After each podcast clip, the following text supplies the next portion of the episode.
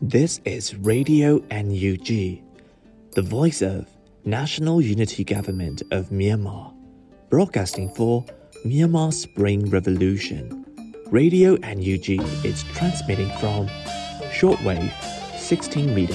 17.71 megahertz at 8 a.m. and 25 meter 11.965 megahertz at 8 p.m. Myanmar Standard Time. မင်္ဂလာပါခင်ဗျာအမျိုးသားညီညွတ်ရေးအစိုးရရဲ့အတန်လွင့်ဌာန Radio NUG ကိုမနက်၈နာရီမှလိုင်းတို16မီတာ7.3 MHz ညပိုင်း၈နာရီမှ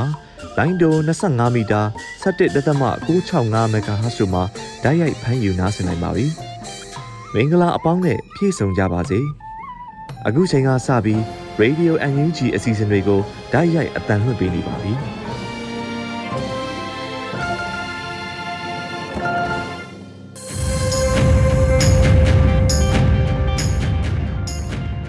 မြန်မာနိုင်ငံသူနိုင်ငံသားအပေါင်းတဘာဝပြီးဆရာနာရှင်ဘေးတို့ကနေကင်းဝေးပြီးကိုစိတ်နှပါကျမ်းမာလုံးခြုံပေးခြင်းကြပါစေလို့ Radio UNG အဖွဲ့သားများကဆုတောင်းမေတ္တာပို့သလိုက်ရပါတယ်ရှင်။အခုချိန်ကစပြီး Radio UNG ရဲ့နောက်ဆုံးရသတင်းအခြေများကိုຫນွေဦးမုံကတင်ဆက်ပေးပါမယ်ရှင်။နောက်ဆုံးရသတင်းချင်းများကိုတင်ဆက်ပေးသွားမှာဖြစ်ပါတယ်။ KNU တရင်တစ်နယ်မြေအတွင်းည6နာရီမှမနက်6နာရီအတွင်းသွားလာခွင့်ကန့်သတ်လိုက်ပြီးစကိုင်းတိုင်းအတွင်းရှိလမ်းမကြီးနှစ်ခုကိုလည်းယာယီပိတ်လိုက်တဲ့အကြောင်းချောင်း PDF ကကြေညာတဲ့သတင်းတွေကိုဥစွာတင်ဆက်ပေးပါမယ်။ KNU တထုံခရိုင်ဖန်အံမြို့နယ် EC မှဒီဇင်ဘာလ၁ရက်နေ့ရက်စွဲနဲ့ပြည်သူလူထုများလိုက်နာရမယ့်အချက်၄ချက်ပါကြေညာချက်တစ်စောင်ကိုထုတ်ပြန်လိုက်ပါတယ်။ကြေညာချက်မှာရေးသားထားတဲ့အချက်တွေကတော့ ဖအံမြို့နယ်မှပြည်သူလူထုများလိုက်နာရန်အချက်၄ချက်၁ခရီးသွားလာခွင့်ကိုနနက်6နာရီမှညနေ6နာရီအတွင်းသာသွားလာခွင့်ပြုသည်၎င်းကန့်သက်ချိန်ကိုကျော်လွန်၍ခရီးသွားလာခွင့်မပြုပါ၂တထုံခရိုင်ဖအံမြို့နယ်တရင်တစ်ထိန်းချုပ်နယ်မြေအတွင်းမော်တော်ယာဉ်ဖြစ်သည့်ကားဖြင့်ခရီးသွားလာပါကကားမှန်များကိုချ၍မောင်းနေရန်၃မော်တော်ကားဆိုင်ကယ် စက်တက်ရင်များဖြင့်ခရီးသွားလာရာတွင်တာဝန်အရစစ်ဆေးလိုပါကကြည်ပြူစွာလက်ခံပေးရန်၄ပြည်သူများအနေဖြင့်အရေးပေါ်ကိစ္စရများရှိလာပါကသက်ဆိုင်ရာတာဝန်ရှိပုဂ္ဂိုလ်များထံဆက်သွဲအကြောင်းကြားရန်တို့ဖြစ်ပါတယ်။ KNU ဖန်မြို့နယ်အတွင်းဖြတ်တန်းသွားလာနေကြသောပြည်သူများအနေနဲ့ထုတ်ပြန်ကြေညာချက်ပါအချက်တွေကိုလိုက်နာဆောင်ရွက်ခြင်းမရှိပါကဖြစ်လာမဲ့နောက်ဆက်တွဲပြဿနာတွေကိုတာဝန်ယူမှာမဟုတ်ဘူးလို့လည်းရေးသားထားပါတယ်။ အဲ့ဒီထုတ်ပြန်ချက်ကိုအတွင်းမှုစောနေသူကလက်မှတ်ထိုးထားပြီး KNU ဖအံမြို့နယ်လို့ပါရှိပြီးဒီဇင်ဘာ၁ရက်နေ့ရက်စွဲနဲ့ထုတ်ပြန်ထားတာပဲဖြစ်ပါတယ်။အလားတူစကိုင်းတိုင်းအတွင်းမှာရှိတဲ့မန္တလေး6ဦးမုံရွာလမ်းပိုင်းနဲ့မန္တလေး6ဦးပခုတ်ကူလမ်းပိုင်းတွေကိုယာယီပိတ်ထားမှာဖြစ်တယ်လို့6ဦးမြို့နယ်ပြည်သူ့ကာကွယ်ရေးတပ်ဖွဲ့ကလည်းသတင်းထုတ်ပြန်ခဲ့တာတွေ့ရပါတယ်။ဖော်ပြပါလမ်းပိုင်းများယာယီပိတ်ထားစဉ်အတွင်း မနာခံမဲဖြတ်တန်းသွားလာသောယာဉ်များရဲ့လုံခြုံရေးကိုအာမမခံကြောင်းနဲ့ပြည်သူလူထုများအနေနဲ့ပူးပေါင်းပါဝင်ပေးကြရန်6ဦး PDF ကမြစ်တာရက်ခံထားပါတယ်ရှင်။ဆက်လက်ပြီးချင်းပြည်နယ်ထန်တလန်မြို့မှာဒီဇင်ဘာလ၄ရက်နေ့ကထပ်မံမီးလောင်မှုဖြစ်ပွားခဲ့ပါတယ်။အာနာသိမ့်မီနောက်ပိုင်းစစ်ကောင်စီတပ်များကိုခုခံတော်လှန်သူတို့တိုက်ပွဲပြင်းထန်ခဲ့ပြီးချင်းပြည်နယ်အထင်ကရမြို့တစ်မြို့ဖြစ်တဲ့ထန်တလန်မြို့ဟာ12ကြိမ်မြောက်မီးလောင်ကျွမ်းခံရခြင်းဖြစ်တယ်လို့ထန်တလန်ဒေသခံတွေကပြောပါတယ်။ ခုတစ်ကြိမ်ဒီဇင်ဘာလ၄ရက်နေ့မီးလောင်မှုမှာရက်ကွက်နှစ်ခုမှမီးလောင်ခဲ့တာဖြစ်ပြီး United Pentecostal Church UPC ဖျားကျောင်းအပါအဝင်နေအိမ်16လုံးထပ်မံဆုံးရှုံးရကြောင်း Tenderland Placement Affairs Committee မှထုတ်ပြန်ထားပါတယ်။ Tenderland မြို့မီးရှို့ခံရတာအခုတစ်ကြိမ်မှဆို12ကြိမ်ရှိပြီးအတိအကျသိရဖို့အခက်အခဲများစွာရှိနေပါတယ်။ခံမှန်းခြေ10အိမ်အထက်လောင်နိုင်ခြေရှိတဲ့အတိအကျတော့မသိနိုင်ဘူး။စည်ရင်းပြုစုနေပါတယ်လို့ထန်တလန်မြို့ကန်တဦးကလည်းပြောပါတယ်။ ဒီဇင်ဘာလ၄ရက်နေ့မိလောင်မှုဟာဖះเจ้าရက်ကွက်ပြက်ကင်းဆန်တွင်နေအိမ်နှလုံးနဲ့ဈေးရက်ကွက်မားကတ်ဆန်တွင်ဖះเจ้าတစ်ကြောင်အပါအဝင်နေအိမ်18လုံးစုစုပေါင်းအိမ်16လုံးမိလောင်သွားပါတယ်လို့ချင်း news channel ဒေတာကန်သတင်းရင်းမြစ်ကရေးသားထားပါတယ်။ရခိုင်ကအကြိမ်ကြိမ်မိလောင်မှုများဟာစစ်ကောင်စီတပ်များကမြို့တဲကိုလက်နက်ကြီးနဲ့ရန်တမ်းပစ်ခတ်တာကြောင့်ဖြစ်ကြောင်းလူအများကယုံကြည်နေကြပြီးအခုဖြစ်စဉ်မှာလည်းမီးလောင်တဲ့ရက်ကွက်ဟာ စစ်ကောင်စီတပ်ဆွဲထားတဲ့တောင်ကုန်းတစ်နဲ့မိုင်ဝက်ခန့်သာအကွာဝေးရှိကြောင်းသိရပါတယ်။အချိန်ချင်းမီးလောင်ကျွမ်းခံရမှုကြောင့်ထန်တလန်မြို့မှာဖျားကြောင်၅ကြောင်အပါဝင်နေအိမ်ပေါင်း450ဆုံးရှုံးခဲ့ရတဲ့မှတ်တမ်းဓာတ်ပုံများလည်းထင်ထင်ရှားရှားထွက်ပေါ်ခဲ့ပါတယ်ရှင်။ဆက်လက်ပြီးဒီဇင်ဘာလ9ရက်နေ့မနက်ခင်းနဲ့နေကင်းပိုင်းတွေမှာတင်ဆက်ခဲ့တဲ့သတင်းကောင်းစင်တွေကိုပြန်လည်ဖတ်ကြားပေးပါမယ်။သတင်းကောင်းစင်တွေကတော့တင်နန်းစင်ပြီးသမျှ PDF တွေကိုလက်နက်တက်ဆင်ဖို့ဆိုတာ ကြီးမားတဲ့စိန်ခေါ်မှုဖြစ်ပြီးရမုံငွေရရှိမှုနဲ့ပဲဓာတ်ရိုက်သက်ဆိုင်တယ်လို့ကာကွယ်ရေးဝန်ကြီးကပြောဆိုလိုက်တဲ့တဲ့နိုင်ငံရေးအကြက်တဲကာလမှာတတိယနိုင်ငံခိုလုံမှု refugee အရေးနဲ့ပတ်သက်ပြီးတိုက်တွန်းနှိုးဆော်မှုတွေမပြဖို့ CNF ကသဘောထားထုတ်ပြန်တဲ့တဲ့ဆီယနာသိမ်းပြီးနောက်ပိုင်းလုပ်ငန်းခွင်များတွင်အကြမ်းဖက်မှုဖြစ်ရများတိုးပွားနေတယ်လို့ ILO ကထုတ်ပြန်လိုက်တဲ့တဲ့တရုတ်မြန်မာနယ်စပ်ကုန်သွယ်ရေးဖွင့်လှစ်ပြီးနောက် မြေရှားသတ္ထု rare art တင်ပို့မှုပြန်လည်စတင်နေတဲ့တဲ့ပေါက်မြို့နယ်မှာစစ်ကောင်စီတပ်ဖွဲ့ကကြေးရွာသားတချို့ကိုအမည်မသိဆေးတွေထိုးပြီးပြန်လွတ်နေတဲ့တဲ့တောင်ကြီးမြို့တွင်ဒီဇင်ဘာလ3ရက်တာအတွင်း COVID-19 ပိုးရှိသူ82ဦးတွေ့ရှိခဲ့တဲ့တဲ့အလုံလုံလိုတဲ့ CDM ရဲနဲ့စစ်သားများကို NUG အစိုးရကအလုတ်အကိုင်းများစတင်ဖန်တီးပေးနိုင်ခဲ့တဲ့တဲ့အာဆီယံတက္ကသိုလ်ကျောင်းသားသမဂ္ဂညီလာခံသို့ အမျိုးသမီးလူငယ်နှင့်ကလေးတငယ်ရေးရာဝန်ကြီးဌာနဦးဆောင်မှုဖြင့်တက်ရောက်ခဲ့တဲ့တဲ့လူအခွင့်အရေးဝန်ကြီးဌာနကပြည်ပဆိုင်ရာလူအခွင့်အရေးနှင့်အထိတ်အမှတ် Facebook Profile Campaign ကိုစတင်ခဲ့တဲ့တဲ့စတီလိုပဲဖြစ်ပါတယ်ရှင်။ကျမຫນွေဦးမွန်ပါဆက်လက်ပြီးအမျိုးသားညီညွတ်ရေးအစိုးရ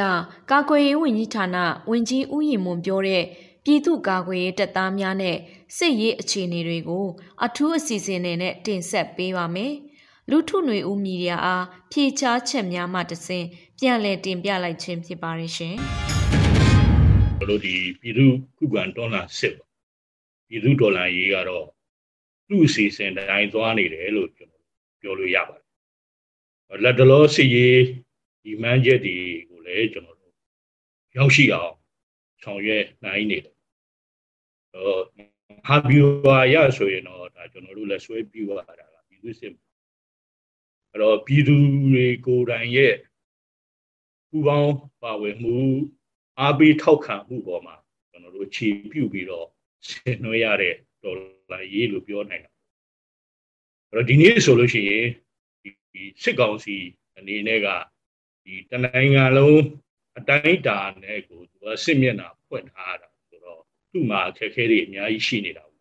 တွေ့နိုင်တယ်အထူးသဖြင့်ပြည်သူလူထုရဲ့ထောက်ခံမှုလုံးဝဆုံးရှုံးနေတဲ့အခြေအနေမှာသူ့အင်အားကလည်းအကန့်အသတ်တစ်ခုသာပဲဖြစ်နေတယ်ဆိုတာတွေ့နိုင်ပါတယ်အဲ့တော့အုပ်ချုပ်နိုင်စွမ်းကိုကြည့်မယ်ဆိုရင်လည်းဒီစစ်ကောင်စီအနေနဲ့ကတော့ဒီမျိုးပြတွေကိုလက်မလော်ရဖို့ပဲသူ့အနေနဲ့ဒါကိုအသေးအံဘုံမှန်းနေရတဲ့အခြေအနေ ကျွန်တော်တို့ပြည်သူကာကွယ်ရေးတပ်မတော် PDF နဲ့မဟာမိတ်တွေကဒီကြီးလက်ဒေသအမြောက်များကိုဒါကျွန်တော်တို့စိုးမိုးထားနိုင်ပြီထိန်းချုပ်ထားနိုင်ပြီလို့လည်းပြောလို့ရတယ်အဲ့တော့စစ်ကောင်စီဆိုတာပြောမယ်ဆိုရင်ဒီ television ပေါ်ကပဲအုပ်ချုပ်နေရတဲ့အဖွဲ့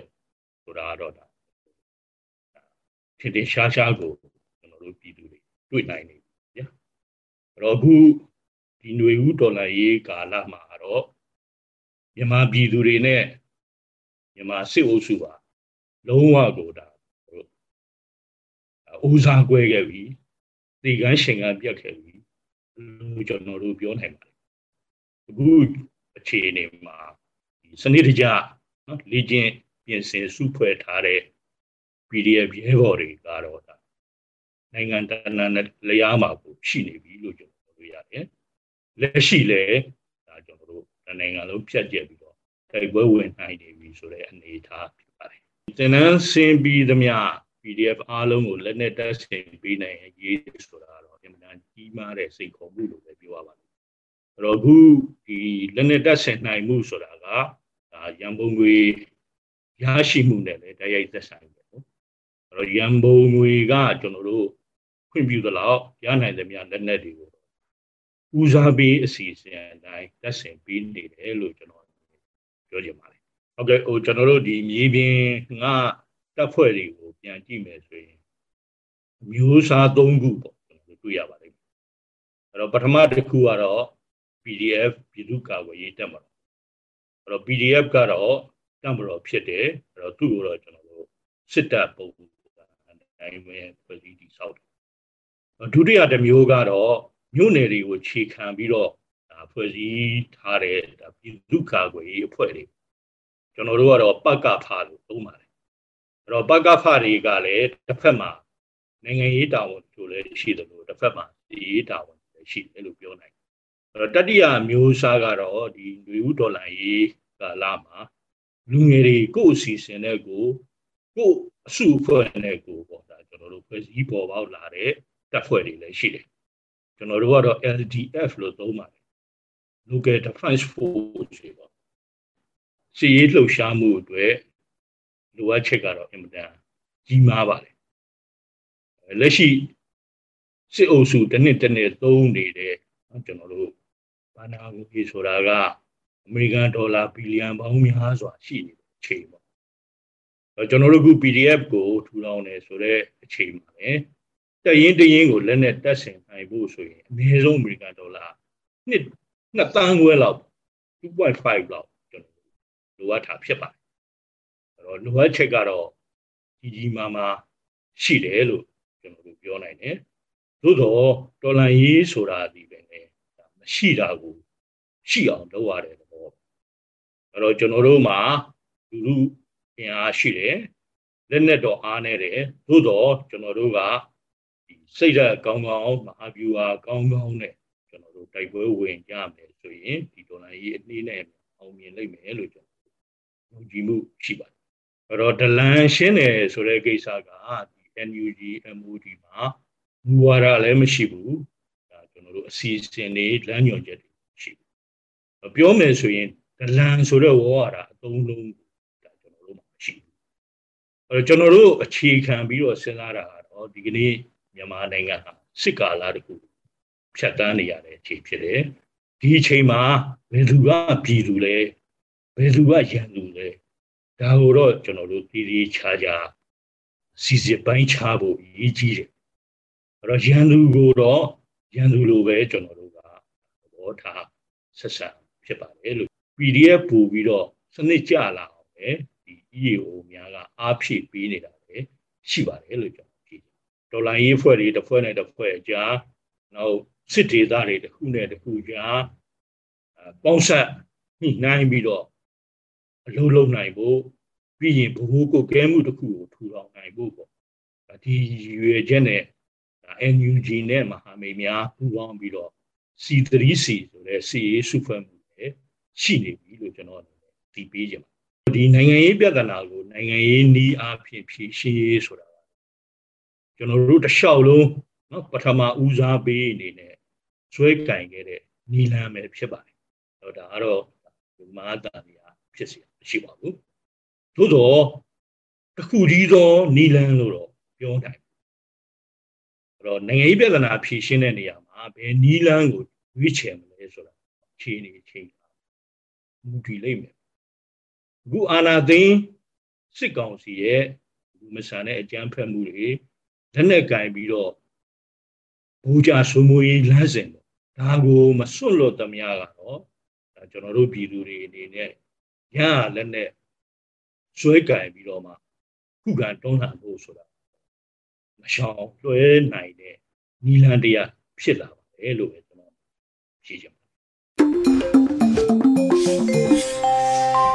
ဆက်လက်ပြီး ကျင့်ဝတ်လေးစားစစ်တေတော်များအစီအစဉ်တစ်တရက်ကို တင်ဆက်ပေးပါတော့မယ်။ဒီနေ့မှာတော့ PDF စစ်တေများအတွက်စစ်ရေးဆိုင်ရာပြစ်မှတ်သတ်မှတ်ခြင်းအပိုင်းတစ်ကိုစတင်နားဆင်နိုင်ပါပြီရှင်။မင်္ဂလာပါစစ်အာဏာရှင်ကိုမုန်းတီးနေကြတဲ့ကျမတို့ပြည်သူလူထုတွေကလူခွင့်ရေးရရှိဖို့နဲ့ Federal Democracy ပြည်ထောင်စုကြီးထူထောင်နိုင်ဖို့အတွက်လှဲနေလေအောင်မြင်းဆောင်မကြံတွန်းလှန်နေကြပါတယ် လူခွင့်ရေးကိုဆူဆူဝါဝါချိုးဖောက်နေတဲ့စက်ကောင်စီကိုခုခံတွန်းလှန်ဖို့နဲ့ပြည်သူလူထုကိုကာကွယ်ဖို့အတွက်မျိုးပြတွေကနေအစကျေးလက်တွေအထိခုခံကာကွယ်ရေးဗျူဟာတွေချမှတ်ပြီးတွန်းလှန်နေကြပါတယ်လူခွင့်ရေးအတွက်တိုက်ပွဲဝင်ကြတာကမှန်ကန်တဲ့လှုပ်ဆောင်ချက်တစ်ခုပါပဲဒါပေမဲ့လူခွင့်ရေးအတွက်တိုက်ပွဲဝင်ရှင်ကိုကိုတိုင်ကလူခွင့်ရေးချိုးဖောက်တာတွေမဖြစ်ဖို့တရားမျှတမှုကိုယူဆောင်ရင်ကိုကိုယ်တိုင်ကဥပဒေမဲ့ဆောင်ရွက်တာတွေမလုပ်ဖို့အတွက်တတိပြုဖို့လိုအပ်ပါတယ်။ တစ်ဖက်မှာလည်းမိမိတို့ရဲ့လှုပ်ဆောင်ချက်တွေကနိုင်ငံတကာလူခွင့်ရေးစံချိန်စံနှုန်းတွေစစ်ပွဲဆိုင်ရာဥပဒေတွေကိုလေးစားလိုက်နာဖို့လိုအပ်ပါတယ်။ဒါကြောင့်အမျိုးသားညီညွတ်ရေးအစိုးရကာကွယ်ရေးဝန်ကြီးဌာနကပြည်သူစစ်သားတွေလိုက်နာရမယ့်ကြံ့ဝတ်တွေကိုထုတ်ပြန်ကြေညာထားတာဖြစ်ပါတယ်။စစ်ဖက်ဆိုင်ရာကြံ့ဝတ်တွေထဲမှာအရေးကြီးတဲ့အပိုင်းတစ်ခုကတော့စစ်ရေးဆိုင်ရာပြစ်မှတ်တက်မှတ်ခြင်းဆိုတဲ့အပိုင်းတစ်ခုဖြစ်ပါတယ်။ တစ်ဖက်နဲ့တစ်ဖက်အပြန်အလှန်စစ်ပွဲတွေဆင်နွှဲနေကြတဲ့အခါမှာတော့စစ်ရေးဗျူဟာနီးနာအရာစစ်ရေးဆိုင်ရာပြစ်မှတ်တက်မှတ်ချက်တွေဆိုတာထားပြီးတော့လှုပ်ဆောင်ရစမြဲဖြစ်ပါတယ်။အဲ့ဒီလိုပြစ်မှတ်ထားလှုပ်ဆောင်တဲ့အခါမှာအရေးကြီးဆုံးအချက်တစ်ခုကတော့အရက်သားပြည်သူတွေကိုပြစ်မှတ်ထားတိုက်ခိုက်တာမျိုးမလုပ်ဖို့အတွက်တတိပြုဖို့လိုအပ်ပါတယ်။ပထမဆုံးအချက်ကတော့စက်ကောင်စီရဲ့လက်ပါစေတက်များနဲ့အပေါင်းအပါများကိုသာခြေမုံရမည်ဆိုတဲ့လမ်းညွှန်ချက်ဖြစ်ပါတယ်။ အဓိကဆိုလိုတဲ့အချက်ကတော့စစ်ရေးအရာတိုက်ခိုက်တဲ့အခါမှာအကြမ်းဖက်စစ်ကောင်စီကိုလက်နက်နဲ့တိုက်ခိုက်ကူညီတဲ့တပ်သားတွေဒါမှမဟုတ်ရင်လက်နက်ကင်မဟုတ်ပေမဲ့စစ်ရေးအရာတည်င်းပေးထောက်လန်းနေတဲ့သူတွေကိုဆိုလိုတာဖြစ်ပါတယ်။ရင်ဆိုင်တိုက်ပွဲတွေလုပ်ကြတဲ့အခါမှာယူနီဖောင်းဝတ်ထားသည်ဖြစ်စေမဝတ်ထားသည်ဖြစ်စေလက်နက်ကင်ပြီးတိုက်ခိုက်လိုက်ပြီးဆိုတာနဲ့အဲ့ဒီလူကိုလက်နက်ကင်တိုက်ခိုက်သူလို့ကျမတို့ကသတ်မှတ်ရမှာဖြစ်ပါတယ်။အပေါင်းပါဆိုတဲ့သူကတော့နည်းနည်းရှုပ်ထွေးပါတယ်။ ယူနီဖောင်းဝတ်ပြီးတော့လက်နက်ကင်တာမဟုတ်ပေမဲ့အကြမ်းဖက်စစ်ကောင်စီကိုစစ်ရေးအရာတည်င်းပေးတာကူညီနေတဲ့သူတွေကိုဆိုလိုတာဖြစ်ပါတယ်။အဲဒီလိုစစ်ရေးအရာကူညီနေတဲ့သူတွေကအယက်သားပုံစံလည်းဖြစ်နိုင်ပါတယ်။ဒလန်လို့တရင်ရတာနဲ့တက်တေခိုင်ခိုင်မာမာမရှိပဲအဲ့ဒီလူတွေကိုအေးအေးယူတာအပြစ်ပေးတာမျိုးလှုပ်ဆောင်လို့မရပါဘူး။ အဲ့ဒီလိုလှုပ်ဆောင်မယ်ဆိုလို့ရှိရင်သူတို့ဟာအကြမ်းဖက်စစ်ကောင်စီကိုစစ်ရေးအရာကူညီပေးနေတဲ့တရင်ပေးနေတယ်ဆိုတာကိုတိတိကျကျခိုင်လုံတဲ့အထောက်အထားတွေရှိဖို့လိုအပ်ပါတယ်။တစ်ဆက်တည်းမှာပဲနောက်ထပ်အရေးကြီးတဲ့အချက်တစ်ခုကတော့အယက်သားပြည်သူတွေကို ပြစ်မှတ်ထားတိုက်ခိုက်ခြင်းချင်းချောက်ခြင်းမပြုရဆိုပြီးတားမြစ်ထားပါသေးတယ်။ အရက်သားတွေဆိုတာကဘယ်အချိန်မှမစိုးကာကွယ်ပေးရမယ့်သူတွေဖြစ်ပါတယ်။ဒါကြောင့်မို့လို့အရက်သားတွေကိုပြစ်မှတ်ထားတိုက်ခိုက်တာမျိုးလုံးဝလှုပ်ဆောင်လို့မရပါဘူး။ဒါကြောင့်အကြမ်းဖက်စစ်ကောင်စီကိုစစ်ရေးအရာပြစ်မှတ်ထားတိုက်ခိုက်တော့မယ်ဆိုရင်တောင်မှအယက်သားပြည်သူတွေထိခိုက်ပျက်စီးမှုနည်းနိုင်သမျှအ ਨੇ ဆုံးဖြစ်အောင်တတိထားလှုပ်ဆောင်ရမှာဖြစ်ပါတယ်။ အပြစ်မဲ့ပြည်သူတွေအပေါ်မှာဥပဒေမဲ့အထင်အကွက်မဲ့လှုပ်ဆောင်တာမျိုးတွေများလာမယ်ဆိုလို့ရှိရင်ပြည်သူလူထုရဲ့ထောက်ခံမှုတွေညှော်နေသွားနိုင်ပါတယ်။စစ်ကောင်စီကပုံဖော်ဖို့ကြိုးပမ်းနေတဲ့အကြမ်းဖက်အဖွဲ့တစ်ခုအဖြစ်နိုင်ငံတကာကလည်းရှုမြင်တာမျိုးတွေဖြစ်လာနိုင်ပါတယ်။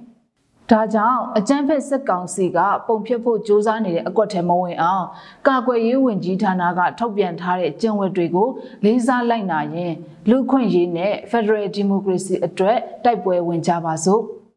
အရေးတော်ပုံအောင်ရမည်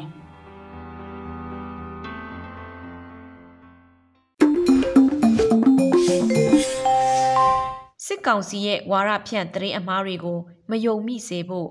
မျက်နှိုးအေးတင်ဆက်နေကြ သတင်းနဲ့ချင်းခွဲခြားနိုင်ရေးအစီအစဉ်ကိုဆက်လက်နားဆင်ပေးကြပါဦးရှင်။အရင်ဆုံးပြပြပေးခြင်းတဲ့သတင်းမှာတော့လှိမပြီးတည်ဆုံသွားတဲ့တော်လိုင်းရေးလက်နက်ကင်တပ်ဖွဲ့ဝင်တို့ကိုမြင်ချနေတဲ့ပုံကိုအသုံးပြုပြီးတော့ PDF ရကျော်အလောင်းမြင်မြုပ်နေရတယ်ဆိုပြီးဖြတ်နေတဲ့သတင်းမှကြောင်းမှာပဲဖြစ်ပါတယ်။အဲ့ဒီသတင်းမှာတော့အကြံဖတ်စစ်အုပ်စုကိုအားပေးထောက်ခံနေကြတဲ့ lobby page တွေအကောင့်တွေကနေဖြန့်ချီနေရပဲဖြစ်ပါတယ်။အဲ့ဒီသတင်းမှာမှာရေးသားထားတာကတော့ PDF ရာကနန်းကြော်ခန့်မြေဖွင့်နေသည့်ဓာတ်ပုံများပေါ်ထွက်လာပါတယ်။ PDF အကြမ်းဖက်လေးတွေကလူမသိသူမသိမြင်မြုပ်ခံနေရပြီးတော့ online ပေါ်မှာတော့တက်မတော်ဖက်ကဘလောက်တည်ပြီးဘယ်ရွေ့တည်ပြီးဆိုပြီးပြောနေပေမဲ့တကယ်လက်တွေ့မှာတော့မြင်မကောင်းအောင်အကြအဆုံးများနေတယ်ဆိုပြီးရေးသားထားတာပဲဖြစ်ပါတယ်။အချက်လက်စစ်စစ်ကြည့်လိုက်တဲ့အခါမှာတော့တော်လန်ရေးလက်နက်ကိုင်တပ်ဖွဲ့ဝင်တို့ကလှိမ်မောက်ပြီးရင်းနဲ့ဆုံးမသွားတဲ့အတွက်မြင်မြုပ်တဲ့ဖြစ်စဉ်အပုံတွေကိုအသုံးပြုပြီးဝါဒဖြန့်ချီထားတာပဲဖြစ်ပါတယ်။ လိမ်မောက်တည်ဆုံးခဲ့တဲ့ဖြစ်စဉ်ကိုစစ်အာဏာရှင်တော်လိုင်းတပ်ဖွဲ့ဝင်တို့ရဲ့ Facebook စာမျက်နှာမှာလည်းဖော်ပြထားပါတယ်။ဒါကြောင့်အကြံဖက်စစ်အုပ်စုကအားပေးထောက်ခံတဲ့သူတွေဖြန့်နေကြတဲ့ PDF ရာကျော်အလောင်းမြင်မြုပ်တယ်ဆိုတဲ့သတင်းဟာလိမ်မောက်တည်ဆုံးသွားတဲ့တော်လိုင်းတပ်သားတို့မြေချစင်အပုံတွေကိုယူသုံးပြီးဝါရဖြန့်နေတဲ့သတင်းမှဖြစ်ကြောင်းအားလုံးကိုသိပေးချင်ပါတယ်။ဒီနေရာမှာတခုကွာခြားတာကျမတို့ရဲ့ပြည်သူသားကောင် PDF တယောက်ကြဆိုရင်တော့ ကြံတဲ့ရဲဘော်တွေကအလောင်းပြန်ယူပြီးဂုံတိတ်ခါရှိသောတေချင်းမျိုးဖြစ်အောင်တခန်းတနာတလီတစားတကြိုပေးတတ်ကြပါတယ်။အဲ့ဒီသတင်းတွေရဲ့အောက်မှာလည်းပြည်သူလူထုကဝမ်ပန်တနယ်နဲ့မှတ်ချက်တွေရေးလေးရှိကြပါတယ်။อืมစစ်ကောင်စီတပ်ဖွဲ့တွေကတော့ကိုယ့်စီကတိုက်ရင်မှုကြဆုံးလာတော့ခွေးဆာဆာကြီးထူးထူးပစ်ထားခဲ့ကြလို့အမြင်မတော်တဲ့ PDF တွေကတာယာခွင်းစွပ်ပြီးမိရှို့ပေးခဲ့ကြရတာပါ။ နောက်ထပ်အသိပေးခြင်းနဲ့သတင်းမှအကြောင်းအရာကတော့ဒီဇင်ဘာလ9ရက်နေ့ကစပြီး NLD ဒစိတ်ပါစတစ်ကာအလံတွေကိုတွေ့ရှိခဲ့မယ်ဆိုရင်ထောင်3နှစ်ကနေ9နှစ်ထိချပြီးနေအိမ်တွေကိုနိုင်ငံပိုင်ဖြစ်သိမ်းမယ်လို့ဖြန့်ချီနေတဲ့သတင်းမှအကြောင်းအရာပဲဖြစ်ပါတယ်။အဲ့ဒီသတင်းမှကိုလည်းအကြမ်းဖက်စစ်အုပ်စုကိုအားပေးထောက်ခံတဲ့ lobby account တွေကဖြန့်ချီခဲ့တာပဲဖြစ်ပြီးတော့အဲ့ဒီသတင်းမှမှာရေးသားထားတဲ့အကြောင်းအရာတွေကတော့တိပြီးပြီလား ဒီဇင်ဘာလ9ရက်နေ့ကစပြီး NLD logo ဒစိတ်ပါစတစ်ကာအလံနဲ့အမှတ်အသားများစစ်ဆေးတွေ့ရှိပါကအနှိမ်ဆုံးပြစ်ဒဏ်ထောင်3နှစ်မှ9နှစ်တဲ့အိုးအိမ်ချမ်းတဲ့လေယာမြေစသည်များကိုနိုင်ငံပိုင်ဖြစ်သိမ်းဆည်းမိတဲ့ဒါဆိုရင်ဒီ6ရက်နေ့မှာအကြီးကြီးပေါ့ဟိုဘက်ရက်ကတော့မီးလောင်ပြန်ပြီးစတဲ့အကြောင်းအရာတွေကိုရေးသားဖြန့်ဖြူးနေကြတာပဲဖြစ်ပါတယ် အချက်လက်စစ်စစ်ချက်အရ NLD ပါတီနဲ့လူထုကောင်ဆောင်ဖြစ်တဲ့နိုင်ငံတော်အတိုင်ပင်ခံပုဂ္ဂိုလ်ဒေါ်အောင်ဆန်းစုကြည်ကိုမတရားတဲ့ပုံမှန်တစ်ခုဖြစ်တဲ့နိုင်ငံတော်အကြီးအကျယ်ပြက်စီမှုနဲ့အကြမ်းဖက်စစ်ကောင်စီကတရားစွဲဆိုထားတဲ့အမှုကိုဒီဇင်ဘာလ6ရက်နေ့မှာအမိန့်ချမှတ်မှာဖြစ်လို့အဲ့ဒါကိုရည်ရွယ်ပြီးတော့တမင်တက်တက်သတင်းမှားတွေဖြတ်နေတာပဲဖြစ်ပါတယ်။ NLD ပါတီဟာရွေးကောက်ပွဲအနိုင်ရတဲ့တရားဝင်ပါတီတစ်ခုဖြစ်တရားဝင်ရှိနေစေဖြစ်ပြီးတော့ သတင်းမှမှာဖော်ပြထားသလိုဒီဇင်ဘာ9ရက်နေ့ကစပြီး NLD ပါတီတစ်စိပ်ပါ logo တွေ sticker တွေတွေ့ရှိခဲ့ရင်ထောင်ဒဏ်3နှစ်မှ9နှစ်ထိချပြီးတော့နေအိမ်တွေကိုနိုင်ငံပိုင်ဖြစ်သိမ်းမယ်ဆိုတဲ့သတင်းဟာအခြေအမြင့်မရှိတဲ့သတင်းမှဖြစ်ကြောင်းအားလုံးကိုသိပေးချင်ပါတယ်။ နောက်ဆုံးအနေနဲ့အသိပေးခြင်းတဲ့သတင်းမှအကြောင်းအရာကတော့ PDF တွေတစ်ခိုးထုတ်တယ်ဆိုပြီးတော့စကိုင်းတိုင်းဒေသကြီးကဏီမြို့နယ်မှာဒေသခံ PDF တွေကတစ်ခိုးထုတ်တဲ့သူတွေကိုဖမ်းဆီးတုံးကပုံတွေကိုအသုံးပြုပြီးဖြန့်နေတဲ့သတင်းမှအကြောင်းအရာပဲဖြစ်ပါတယ်။အဲ့ဒီသတင်းအမှားကိုအကြမ်းဖက်စစ်အုပ်စု lobby ဖြစ်တဲ့တက်ကြက်ကြီးဖိုးစီ Telegram နဲ့ကြော်စာ Telegram တို့ကနေစတင်ဖြန့်ချိခဲ့တာဖြစ်ပြီးတော့ Facebook account တွေ group တွေကနေထပ်ဆင့်ဖြန့်ချိခဲ့ပါတယ်။ အချက်အစစ်စစ်ကြည့်လိုက်တဲ့အခါမှာတော့အသုံးပြုထားတဲ့ပုံတွေကကဏီမှာတစ်ခိုးထုတ်တဲ့အဖွဲ့ကိုဒေသခံကာကွယ်ရေးတပ်တွေကဖမ်းဆီးခဲ့တဲ့ဖြစ်စဉ်ကပုံကိုအသုံးပြုပြီးတော့လုတ်ကြံရေးသားထားတဲ့သတင်းနဲ့ဝါရဖြန့်ချီနေရပဲဖြစ်ပါတယ်။တကယ်တော့ဖြစ်စဉ်မှန်ကသခိုင်းတိုင်းဒေသကြီးကဏီမြို့နယ်မှာတရားမဝင်တစ်ခိုးထုတ်ယူမှုတွေလုပ်နေတဲ့အဖွဲ့တွေကိုနိုဝင်ဘာ30ရက်နေ့ကဒေသကာကွယ်ရေးတပ်တွေနဲ့ဒေသခံပြည်သူတွေပူးပေါင်းပြီးဖမ်းဆီးလိုက်တဲ့ဖြစ်စဉ်ပဲဖြစ်ပါတယ်။ အဲ့ဒီသတင်းကို BBC သတင်းဌာနကလည်းဖော်ပြထားပြီးဖြစ်တယ်လို့ခဏီ PDF ရဲ့ Facebook စာမျက်နှာမှာလည်းဖော်ပြထားပါတယ်။ဒါကြောင့်အကြမ်းဖက်စစ်ကောင်စီကိုအားပေးထောက်ခံတဲ့သူတွေဖြန့်နေကြတဲ့ PDF တွေတစ်ခိုးထုတ်တယ်ဆိုပြီးစကိုင်းတိုင်းဒေသကြီးကဏီမြို့နယ်မှာဒေသခံ PDF တွေကတစ်ခိုးထုတ်တဲ့သူတွေကိုဖမ်းဆီးတော့ပုံတွေကိုအသုံးပြုပြီးဖြန့်နေတဲ့တဲ့တင်ရတဲ့တင်မှဖြစ်ကြောင်းအားလုံးကိုအသိပေးချင်ပါတယ်။ ဒီသတင်းအမကိုဖတ်ပြီးခစ်အဆက်ဆက်စစ်တပ်အပိုင်နဲ့ခရိုနီပေါင်းတို့ကကြည်ရည်နေကြပါဘောရှင်သူတို့ကသာတစ်ခိုးတာကိုညှစ်ချိုးတာလောက်သဘောထားပြီးတော့ကြီးပွားလာခဲ့ကြတာမဟုတ်ဘူးလားရှင်ကဲဒီတစ်ပတ်တော့သတင်းလာခြင်းလားအစီအစဉ်တော့ဒီလောက်နဲ့ပဲရနာခွင့်ပြုပါကြည့်ရှုပေးနေကြတဲ့မိဘပြည်သူအပေါက်ဘေးရန်ကင်းကွာပြီးကိုယ်စိတ်အေးချမ်းကြပါစေလို့မြန်တော်ကနေဆုမကောင်းတောင်းပေးလိုက်ပါတယ်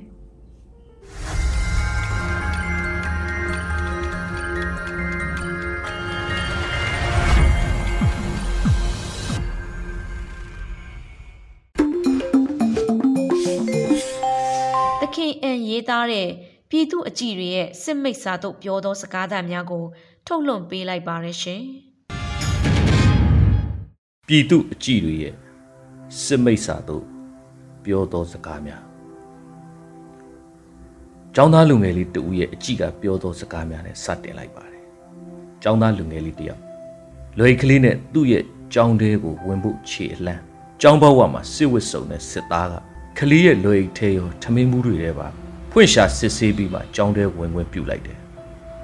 ဒီချိန်မှာကြောင်းသားကလေးရဲ့မျက်လုံးအစုံဟာဒိဗယ်ပေါင်းများစွာပါတဲ့အကြည့်နဲ့အဲ့ဒီစစ်သားကိုမျက်လုံးချင်းဆိုင်တဲ့တဲ့ကြည့်လိုက်ပါတော့တယ်ကျောင်းသားလေးရဲ့အကြည့်တစ်ချက်မှာပါတဲ့စကလုံးတွေကဒီလိုဗျ။အော်ငါတို့ကျောင်းကိုတော့မင်းတို့စစ်တပ်ကတင်ထားပါလား။မင်းတို့ခွင့်ပြုမှကျောင်းထဲဝင်ရအောင်။ငါတို့စာတင်ကျောင်းကစစ်တပ်ပိုင်တာလား။ငါတို့ပြည်သူပိုင်တာလား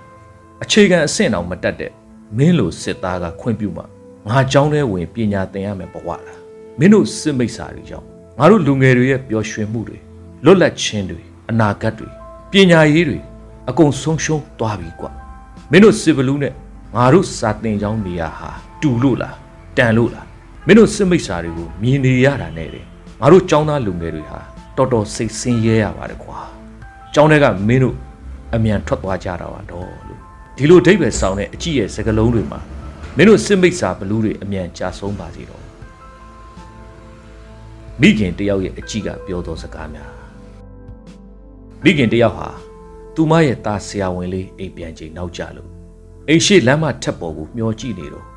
စစ်ကားတစ်စီးနဲ့လူနာတင်ကားတစ်စီးထိုးဆိုင်လာတယ်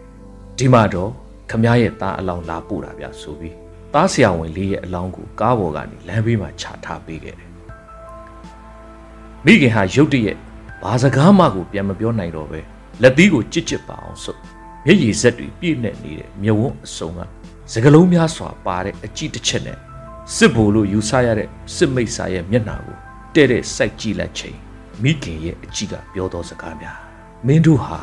သာသမီချင်းစာနာစိတ်မရှိ ကိုချင်းစာတရားကင်းမဲ့စွာနဲ့ငါရဲ့သားလေးကိုမင်းတို့လူမဆန်စွာရက်ဆက်လိုက်ကြပြီပေါ့ငါရဲ့သားဟာຫນွေဦးရဲ့အာဇာနည်သူရဲကောင်းမှု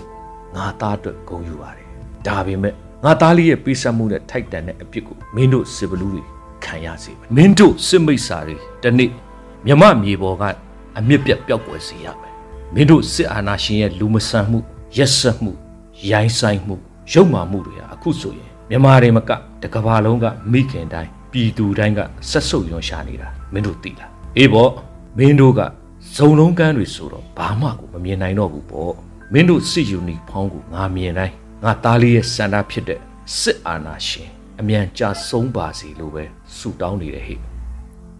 ဒီလိုအဓိပ္ပာယ်ရတဲ့စကားလုံးတွေဟာမိခင်ရဲ့အကြည့်မှာတန်းစီထွက်ပေါ်လာပါတော့တယ်ပြည်သူတဦးရဲ့အကြည့်ကပြောသောစကားများ